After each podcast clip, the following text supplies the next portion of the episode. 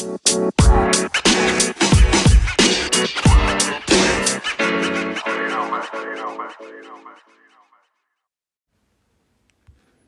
27 Pod'un sunduğu Oyun Planı Podcast'inin 153. bölümüne hoş geldiniz. Bugün de yalnızım.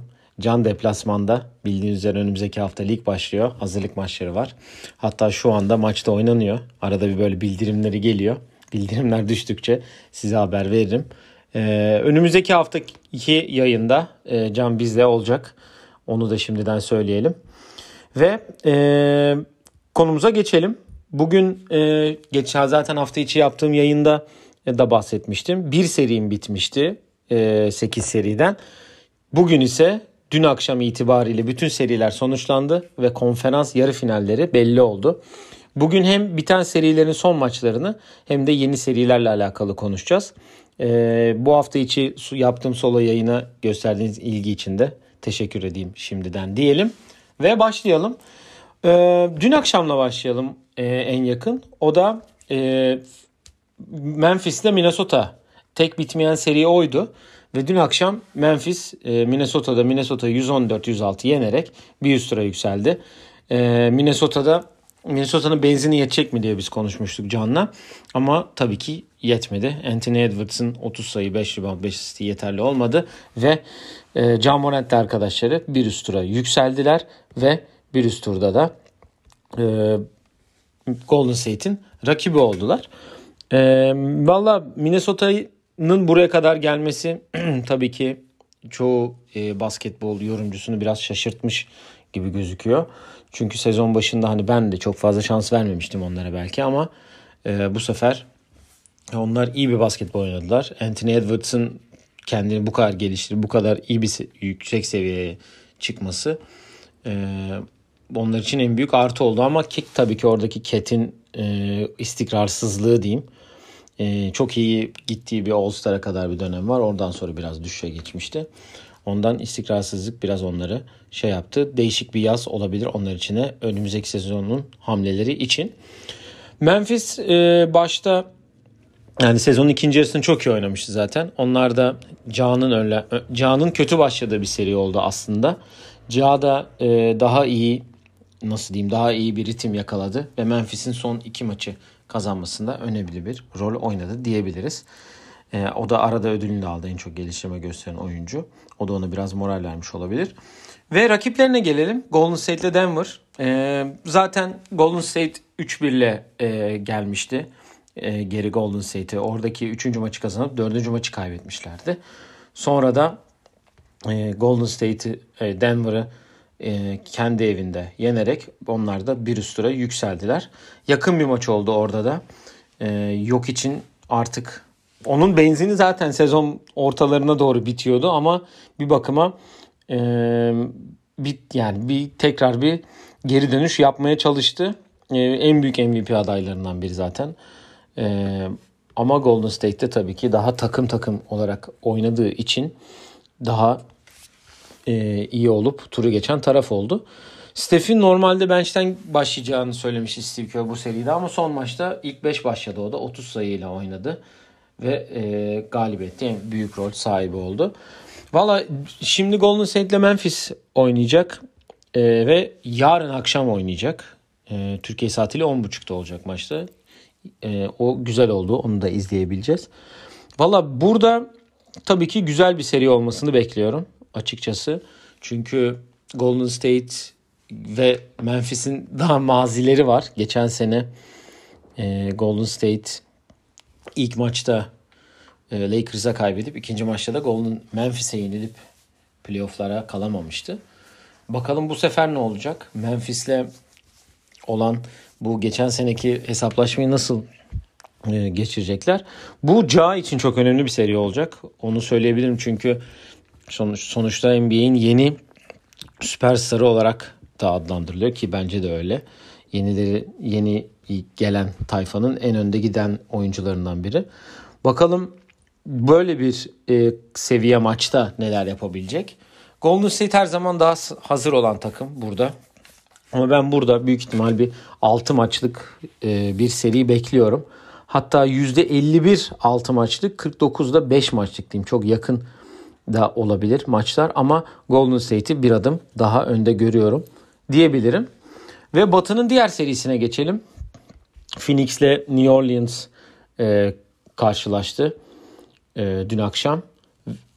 Pardon ondan önceki akşam ve yani Chris Paul'un muazzam oyunu diyeceğim. Çünkü 14'te 14 sağ içi isabeti.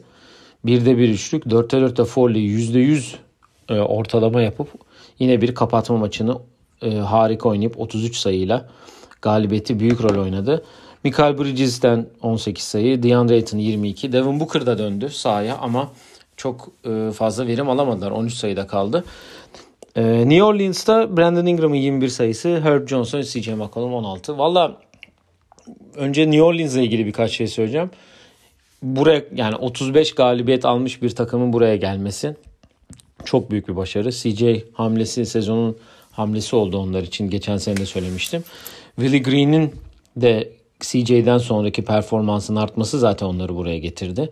İki tane play-in maçı e, kazanıp e, playoff'ta da iki maç kazandılar. Yani bir dört maçlık galibiyet durumları var bu sene e, normal sezon dışında.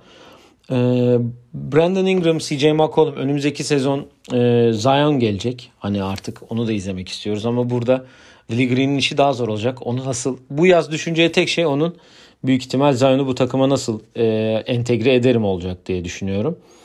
E, Herb Jones da onlara çok büyük bir banko oldu diyebilirim. Bu serinin yıldızı onlardan Jose Alvarado ama çok büyük reklam yaptı. Chris Paul bu Chris Paul'la olan birkaç şeyinden e, görüntüsünden ve top çalma stilinden diyeyim böyle top kenardan çıkarken köşeye saklanıp beklemesi falan. Sempatik bir oyuncu. E, onu söyleyebilirim. Eee bu maç sonunda da e, Willie Green'in eski takım arkadaşı olduğu Monty Williams'a Phoenix koçuna gidip sarılması gözleri doldu dolu. Sonra Chris Paul'a sarılması tabii ki güzel de bir görüntü oldu. Yani genç koçların olduğu bir seneydi. Zaten bahsetmiştik. Keza Ime Udoka da Boston'da böyle başarı imza attı ama ben Willie Green'in de böyle bir başarıya imza atmasını gelecek için çok umutlu buluyorum. Yani ne kadar genç oyuncular geliyorsa süperstar olarak aslında genç koçlar da yavaş yavaş lige e, etki etmeye başladı diyebiliriz. Phoenix'e gelelim. Phoenix'te e, Devin Booker yoktu. E, sakatlığından dolayı oynamamıştı. Ama Chris Paul yine bir kapama maçını kralı olarak ya daha doğrusu şöyle diyeyim. ilk tur ve ikinci turda kapama maçlarını iyi oynayan bir oyuncu. Ama batı finali geldi mi eli ayağı birbirine dolanıyor. Onu da zaten herkes biliyor. en birinci elden tecrübe etmişliği de vardır. Chris Paul'u seven ve takip edenlerin. Ama cidden 14'te 14 saha içiyle inanılmaz bir performans. O onun alacağı bir seri oldu. Aldığı bir seri oldu diyebilirim. Ve rakibine gelelim. Ee, o da iki gün önce Utah Utah'ta yenerek 2011 yılından beri yani şampiyon olduğu yıldan beri ilk defa bir playoff serisi kazanan ve bunu 3 maçta Doncic'siz yapan Dallas 98-96 ile geçti Utah Utah'ta. Bogdanovic'in son şutu girmedi. Ki orada Doncic ile e, Brunson'ın 24 sayısı, Dorian Finney-Smith'in 18, Dinwiddie'nin de 19 sayısı var.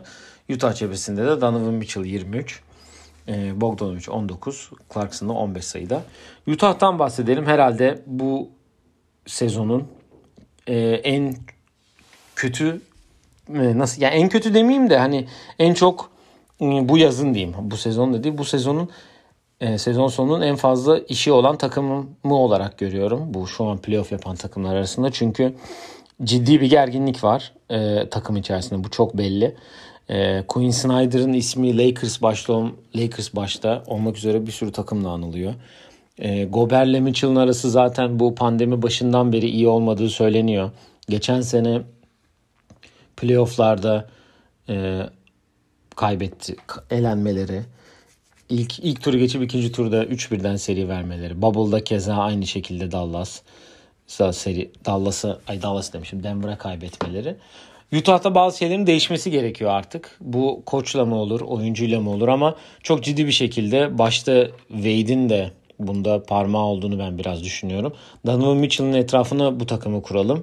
Ama bu takımı kurarken de elimizdeki en değerli parçalardan biri olan Gober'i kullanarak e, yani Gober'i verip Gober'in e, getirebileceği genç oyuncu ya da başka bir süperstar e, olarak bulabilir diye düşünüyorum. E, böyle bir düşünce yapısı var çünkü Donovan Mitchell'ı kaybetmek istemez. Büyük ihtimal Rudy Gobert'den e, çıkarlar ya da bir türlü onu takasta ya da bir şeyde kullanırlar. Çünkü 3 maçta Gober gibi oyuncunun sıfır blok yapması inanılmaz bir e, rakam yani. Bu arada onu da tam gözünden arı sokmuş maçtan önce. O da inanılmaz bir fotoğraf. Belki görmüşsünüzdür fotoğrafı. Ee, Dallas, e, Utah'ın işi zor. Ee, ne olacağı belli değil. Hani takım olarak büyük bir değişime gidebilirler. Önümüzdeki sezon bu yaz onlar için biraz e, hareketli geçebilir diye düşünüyorum ki bence yeni de bir koç bulun bulmaları gerekiyor olabilir. Çünkü Quinn Snyder'ın da e, Utah'taki geleceği yani Utah'ta önümüzdeki sezon olmayacaktır diye düşünüyorum. Tarihe bakalım 30 Nisan gittiği gün bunu tekrar konuşuruz diyelim.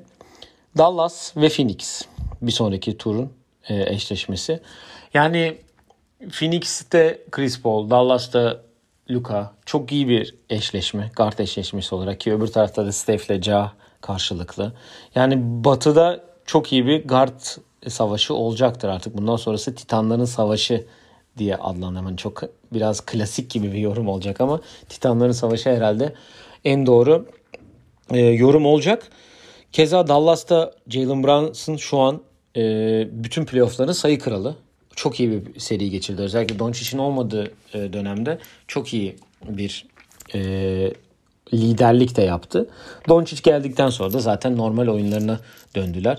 Dinwiddie'den de çok iyi katkı alıyorlar bench'ten. Ama onlardaki bu istikrar devam ederse Phoenix'e zorluk çıkarabilirler. Hani bir ya da iki maç onlar da alabilirler. Ama ben burada demin hani 51'e 49 6 maçlık diyordum. Ee, burada bir 51'e 49 5 maç olur diyorum. Yani %51 5 maç olur. %49 6 maç olur. Ee, Phoenix'in Phoenix'te Booker'ın geri dönüşü, Booker'ın nasıl bir tekrar ritim yakalayabilecek mi? Çünkü playoff'ta sakatlık yaşayıp maç kaçırıp dönüp de tekrar aynı ritmi yakalamak çok zor oluyor. Ve aynı takımı dört kere yenmeniz gerekiyor. Onun için e, Booker'ın ritmine biraz olsun ihtiyaçları olacaktır diye düşünüyorum. E, orada Booker yokken Michael Bridges'in biraz daha hareketlenmesi tabii ki onlar için daha iyi oldu. Ama dediğim gibi büyük ihtimal 5 maçta Phoenix e, bu seriyi geçip e, geçen sene oynadığı batı finaline tekrar yükselir gibi duruyor. Doğu'ya gelelim. Doğu'da e, Miami Atlanta serisi zaten 3-1 ile Miami'ye dönmüştük. Ve Miami'de son maçta e, çok fazla e, kasmadan demeyeceğim. 3 sayıyla bitmiş bitti çünkü. E, Miami'de tabii Kyle Lowry'nin durumu. E, Kyle Lowry, Jimmy Butler son maçta oynamadı ama e, Oladipo'nun bench'ten gelip 23 sayısı pardon Oladipo'nun 23 sayısı, Bam Adebayo'nun 20 sayısı, Max Truss ve Tyler Herro'nun da 16 ve 15'er sayısıyla maçı kazandılar. Hem Jimmy Butler'ın hem Kyle Lowry'nin olmadığı bir maçta böyle bir galibiyet almaları Miami için çok iyi bir haber. E, Atlanta'da DeAndre Hunter 35 sayı, Trae Young 11, Kevin Huerter de 12 sayıda kalmış. Atlanta'ya birazdan geleceğim. E, Miami'de şöyle de bir durum oldu. Hani Oladipo zaten e, bir önceki maçta da Oladipo bu arada e, bench'ten gelmiş. Burada Jimmy Butler'da olmayınca ilk 5'te başladı. Bir, Jimmy Butler'ın ayağında bir e, kas, kasında bir sıkıntı olduğu için 6. E, 5. maçta oynamadı. E, Valla Oladipo'yu kazanma e, için çok iyi bir maç oldu bence. Çünkü Oladipo ne olursa olsun hani 2018 playofflarını özellikle çok iyi geçirmiş. Ondan önce All-Star olmuş. Ama yaşadığı sakatlıklardan dolayı bir türlü tekrar o ritme yükselememişti. Geçen sene Rockets'a çıktığı birkaç maçta iyiydi. Sezon ortası Miami'ye geldi. Miami'de ne yapılır ne edilir derken e, bir anda playoff kapama maçını çıkıp oynayıp Atlanta'yı evine yolladı. E, onlar için iyi haber. Ama tabii burada Lowry ve Jimmy Butler'ın durumunun evet, onları nasıl etkileyeceğini göreceğiz. Zaten Doğu Konferansı bu konuda biraz daha sakatlıklar konusunda biraz daha böyle sıkıntılı kalan dört takım arasında. Hepsine geleceğim birazdan zaten. Ee, Yala Atlanta ile ilgili birkaç şey söyleyeyim. Onlar da bu yazı hareketli geçecek takımlardan biri olacak. Çünkü e, geçen seneki Doğu finalinden sonra Doğu ilk turunda elenmek onlar için tabii bir başarısızlık olarak gözükecek. Trae bir türlü ritim yakalayamaması, John Collins'in yani olmayışı direkt diyeceğim. Çünkü e, genelde hiç yardım almadı Trae Young. Olabildiğince hani Capella'nın da ayrı bir sakatlığı oldu. E, ama sonra geri geldi o da iyi gelmedi. İşte Galinari, işte Bogdanovic'in de olmaması. Yani eldekilerden geçen seneki aldığı katkıyı bench'ten bu sene alamadı. E, ondan baya bir sıkıntı yaşadı. Bakalım ne olacak? Nate McMillan'la devam mı? Yoksa e, burada da ben e, biraz Utah için söylediklerimi aynı şekilde e, Atlanta için de tekrarlayabilirim. Orada da e, Gober'den nasılsa burada da John Collins'ten büyük ihtimal çıkma durumu olacaktır. Triangle'ın e, etrafında takımı kurabilmek için tekrar. Diyelim. E, ve Miami'nin rakibine gelelim. Philadelphia onlar da e, Toronto'yu Toronto'da yenerek tekrar e, seriyi bitirdiler ve farkla bitirdiler. Hatta 132-97 gibi bir skor oluştu ve Philadelphia'da bir üst tura yükseldi. James Harden'ın 22 sayı, 6 rebound, 15 asisti, Joel Embiid'in 33 sayısı, e, Tobias serisinde 19 sayısı var. Aynı zamanda Maxi de 25 sayıyla. Valla Philadelphia herhalde en iyi maçlarından birini oynadı Toronto'ya karşı. E, Toronto'da Fred Van Vliet yoktu yine. Siakam'ın 24 sayısı, Trent 18, 19 ve Scottie Barnes'a 18 sayı attı. E, Valla Philadelphia acaba mı dedi yine. Duck Rivers yine 3-1 önde olduğu bir seriyi kaybedecek mi diye konuşuluyorken James Harden yine basketbolcu olduğunu tekrar hatırladı. Diyebilirim. O da bir kapama maçının sonunda ilk de yani şöyle diyeyim geçen seneden beri 2019'dan beri ilk tur anlamında konuşuyorum. En iyi maçını oynadı diyebilirim uzun zamandır. Ee, ondan Philadelphia için iyi bir haber olarak gözüktü. Nitekim dün akşam gelene kadar e, birazdan Miami serisini konuştuğumuzda oradan bahsedeyim. Toronto ile ilgili yani onların bu sene e, bu kadar yükselmeleri, bu kadar 5. sıraya kadar çıkmaları e, Doğu Konferansı'na aslında bir bakıma sürpriz oldu. Scottie Barnes'dan ya yılın çaylağı seçildi zaten. Çok iyi bir katkı almaları. Acaba Nurse'le oyuncuların arası kötü mü derken, Nurse gidecek mi derken bir anda e, işler başka tarafa döndü ve takım 5. olarak playoff yaptı. Onlar nasıl bir yaz geçirirler tam tahminim yok. Nick Nurse'ü daha iyi tanıyan Can çünkü. Can geldiğinde Toronto hakkında biraz daha rahat yorum yapabilir diye düşünüyorum ama hani onlar birkaç hamleyle 2-3 e, e free agent hamlesiyle belki tekrar doğuda söz sahibi olabilmek için e, yapabilirler ve ellerindeki asetleri de kullanarak belki bir kadro kurup tekrar o şanlı günlerine dönerler mi acaba diye düşünüyorum. Çünkü geçen sene hakikaten kötülerdi. Bu sene daha iyiler. Beşinci bitirdiler ve playoff'ta da iki maç kazandılar. Ee, ondan bakalım ne olacak. Gelelim Miami Philadelphia eşleşmesine. Philadelphia'nın kötü haberi dün akşam geldi. Ee, sezonun MVP adaylarından bir tanesi olan Joel Embiid'in sağ gözünde bir e, orbital fracture yani nasıl diyeyim şuradan tekrar bir bakayım ben. Ona orbital fracture hani böyle gözüyle alakalı bir e, sakatlık yaşamış ve ne zaman döneceği e, belli değil. Indefinitely diyor yani belli bir e, zaman şey yok. Evet göz e, çevresinde bir sakatlık bir kırık varmış ve ne zaman döneceği belli değil. Ee, diğer tarafta Jimmy Butler ve Kyle Lowry'nin sakatlığı var. Onlarınki biraz daha şey ama Joel Embiid'in bu kadar uzun olmayışı Philadelphia için iyi bir haber değil. Miami şu ana kadar playoff'ların belki de e, Milwaukee ile beraber ve Phoenix ile beraber en e, takım gibi oynayan, daha fazla oyuncuyla oynayan, daha bir sistemi olan takımlardan biri. Ama tabii şimdi Kyle Lowry ve Jimmy Butler'ın da olmayışı orada denklemde nasıl bir yer alacak bilmiyoruz ama Philadelphia karşı yine bir bakıma e, üstünlük kuracaklardır. Ama Philadelphia P açısından baktığınız zaman da evet Embiid'in sakatlığı tabii ki çok e, nasıl diyeyim önemli bir sakat önemli bir sakatlık onlar için. Sonuçta MVP adaylarından biri ve çok iyi bir sezon ilk yarısı hatta ilk yarısından biraz daha fazlasını geçirdi. Bence benim ben ona vereceklerini düşünüyorum MVP'ye onu da söyleyeyim. Ama olmayışı tabii etkileyecektir. Şöyle bir e, teselli olabilir. Şimdi e, James Harden sonuç olarak buraya geldi ve hani son iki sezonu özellikle Rockets'tan ayrıldıktan sonraki e, basketbolu hep eleştirildi. O eski günlerine geri dönme, dönemez asla artık. İşte o tamamen basketbolunu bırakmış ama o hala devam ediyor gibi yorumlar çok fazla yapılıyor.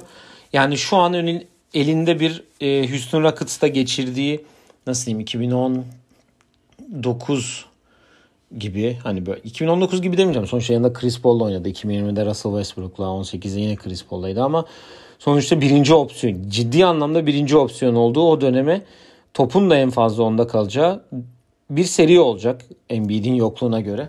Ondan bir bakıma e, Philadelphia bu seriyi belki alabilir. Hani çok fazla hani şansları yok. Öbür taraftan geleceği gelecek haberler nasıl bilmiyor Jimmy Butler ve Kyle Lowry'nin. Ama hani James Harden eğer ki o James Harden olursa e, Philadelphia buradan bir şapkadan tavşan çıkartabilir mi diye düşünmüyor da değilim açıkçası. Hani Harden hepimiz biliyoruz. Evet çok eleştiriliyor her şeyiyle son işte iki sezondur. Ya evet iki sezondur diyeceğim. E, ama ne olacağı hiç belli olmaz. Çünkü kapama maçı çok iyi de bir kapama maçı oynadı. O Philadelphia için bir umut olmuş olabilir. Bu arada bu serinin de bir özelliği iki Türk temsilcimizde karşılıklı oynayacak. Hem Ömer hem de Furkan ikisine de şimdiden başarılar dileyelim. Ee, Boston Brooklyn serisi bitmişti zaten. 4-0 ile geçmişti. Milwaukee de çok fazla uzatmadı ve Chicago'yu 4-1 ile geçerek onlar da bir üst tura yükseldiler. Zaten e, genel olarak seride e, ikinci maç hariç Milwaukee'nin ciddi bir üstünlüğü vardı. Son maçta da 16 sayıyla kazandılar. Yanis'in 33, Bobby Portis'in 14, Pat Connaughton'ın 20 sayısı varken öbür tarafta Pat Williams 23, Vucevic 19, DeRozan'ın 11 sayısı var. Orada da son maçta Zach Lavine'in e, Covid protokolünde olduğundan dolayı oynamaması aslında biraz olsun Chicago'nun sezonunun bittiğinin habercisiydi. Zaten çok da zorlanmadı Milwaukee. Yani Milwaukee'deki durum da şöyle. E, daha Chicago ile ilgili konuşayım sonra Milwaukee'ye geçerim. Yani Chicago bu sezonu çok iyi geçirdi başlarda. E, bir ara Doğu birinciliğine yükseldi. İşte DeRozan acaba MVP mi olacak? İşte çok iyi hamle oldu derken e, işte sakatlıklar, Lanzo'nun sakatlığı olsun, işte DeRozan'ın olmayışı, Lavine'in bir ara olmayışı. E, onların hem sakatlıklar hem Covid'ler derken baya bir düşüşe geçti. Eldeki oyuncularla ilgili tek şey e, Zach Lavine'in bu, bu yaz e, free agent olması. Onu tutmak için acaba nasıl bir e, yol izleyecek Chicago? Çünkü eğer ki aynı çekirdek kadroyu tutabilirlerse hani şu anki oynayan oyuncuları tutabilirlerse onların da geçen önümüzdeki sene büyük ciddi bir şansları olacak. Patrick Williams'ın da geri dönüşü tabii onlar için iyi bir işaret oldu. E, Lanzo da sakatlıktan geldikten sonra Chicago'nun bir tekrar bir e, playoff run olarak da hani böyle konferans finaline kadar gidebilme durumu belki olabilir mi diye düşünüyorum önümüzdeki sene ama bakalım nasıl bir yaz geçirecekler. Onu da Can daha iyi yorumlar bir Chicago'lu olarak. E, Milwaukee Boston herhalde şu gördüğünüz 4 yani deminden beri konuştum. Gördüğünüz gibi ben önümde açık baktığım için bir an öyle bir yorum yaptım. E, gör, yani izleyeceğimiz 4 seri dediğim beni en çok heyecanlandıran seri bu. Milwaukee Boston. Çünkü ciddi anlamda e, baktığınızda playoff'un kalan 8 takım arasında en istikrarlı takımı. Biri Brooklyn'i süpürdü geldi. Öbürü Chicago'ya belki iki, içeride iki, ikinci maçı kaybetti ama öbür maçta da çok ciddi bir üstünlük kurdu. Ve ve geçen senenin şampiyonu sonuç olarak Milwaukee. Ee, Milwaukee'nin tek sıkıntısı Middleton'ın olmayışı. Middleton'dan alam, alamayacağı katkı onları etki, bu seride etkileyebilir diye düşünüyorum.